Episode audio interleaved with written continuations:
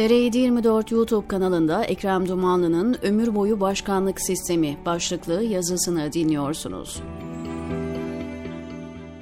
Erdoğan'ın üçüncü kez seçilme arzusu aslında ömür boyu başkanlık projesinin bir parçası.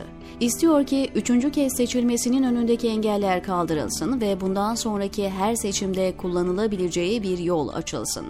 Nasıl mı?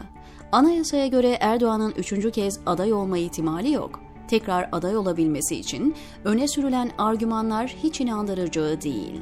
O yüzden İzzet Özgenç gibi, Ergun Özbudun gibi bir zamanlar AKP'nin de otorite kabul ettiği hukukçular çok net bir şekilde Erdoğan üçüncü kez aday olamaz diyor.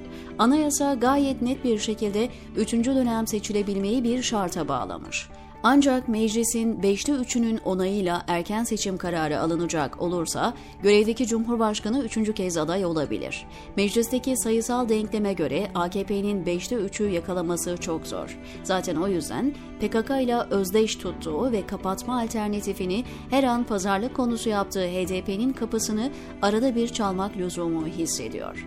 Meclisten istediği sonucu çıkaramayacağını anlayan Erdoğan başka bir formülü devreye sokuyor. Cumhurbaşkanı Cumhurbaşkanı sıfatıyla seçim kararı almak. Bu resmen bir erken seçim kararıdır. Erdoğan onu da inkar ediyor, işi laf kalabalığına getirerek yaptığının erken seçim değil, öne alınmış seçim manası taşıdığını iddia ediyor. Cerbeze, Bildiğin erken seçim kararı bu. Neden? Birkaç ay öne alınınca ne olacak ki? Canhıraş bir çabayla seçim mayısı alınıyor. Çünkü Erdoğan da biliyor ki normalde üçüncü kez aday olması imkansız. İşte ömür boyu başkanlık sistemi tam da bu fasılda ortaya çıkıyor. Cumhurbaşkanı sıfatıyla seçimi öne alınca iki kıvrak hileyi devreye sokuyor. Birincisi, meclisin erken seçim kararı alma yetkisini ele geçirerek bir beş yıl daha kazanmak, İkincisi de bu yolu açık tutarak vaktinden önce alınacak seçim kararıyla tekrar tekrar başkanlığa giden yolun taşlarını döşemek istiyor. 6 Nisan 2017'de ne demişti Erdoğan? Cumhurbaşkanının meclisi fesih yetkisi yok. Erken seçim kararını parlamento alır. Şimdi 22 Ocak 2023. Ne diyor? 14 Mayıs için yetkimi kullanacağım. Hani öyle bir yetkin yoktu? Seçim kararını ancak meclis verebilirdi. Muhalefet Erdoğan'ın asıl maksadını anlamıyor galiba. Adam ömür boyu başkan olmak istiyor. Şayet bu seferki badireyi atlatabilir, aday olabilir ve allem kullem işler yardımıyla seçilebilirse bir daha o koltuktan inmeyecek. Bazı Orta Asya ve Orta Doğu ülkelerine özenmesi bu yüzden. Rusya ve Çin gibi ülkelerin başkanlarının koltuklarını ömür boyu garanti altına almasına hayranlık duyduğu kesin. Bugün karşılaştığı anayasal engeli aştığında bundan sonraki seçimlerde her şey daha da güdükleşecek, göstermelik olmaktan başka mana ifade etmeyecek. Bir de bakacaksınız ki muhalefet sadece vitrin süsü haline gelmiş.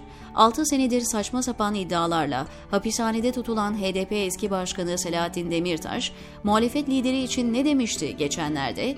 Yakında hepinizle bir araya geleceğiz. Ya içeride ya dışarıda. Mesele Demirtaş'ın dediği kadar ciddidir. Muhalefet haklı olarak yargıya güvenmiyor. Parti militanı savcı ve hakimlere kim güvenebilir ki? Ama bu güvensizlik bir boş vermişliğe yol açmamalı.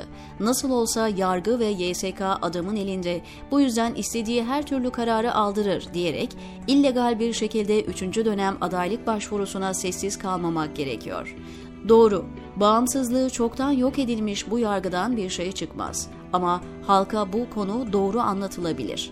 Önemli olan adamın üçüncü kez seçilip seçilmemesi değil, ömür boyu başkanlık planıdır. Şakası yok sürekli düşüş içinde olan AKP'nin tutunacağı tek dal var. Hazır ellerinde fırsat varken ömür boyu başkanlık sistemine geçmek. Eğer bu defada aday olur ve seçim hileleriyle bir kez daha seçilebilirse önümüzdeki 5 yıl içinde muhalefet diye bir şey kalmaz. Kendisine direnen herkesi Selahattin Demirtaş'ın yanına gönderir. Seçimler o işin kolay kısmı. Otoriter rejimlerde liderler seçimleri %90 oranında kazanmıyor mu zaten? Her şeye rağmen umutsuzluğa gerek yok. çaresiz bir despotun hukuk dışına çıkarak yeniden seçilme çabalarına şahit oluyoruz. Anahtar hala halkın elinde. Yeter ki ulaşın insanlara ve adamın asıl maksadının ömür boyu koltukta kalıp işlediği suçların hesabını vermemek olduğunu anlatın diyor Ekrem Dumanlı TR724'deki köşesinde.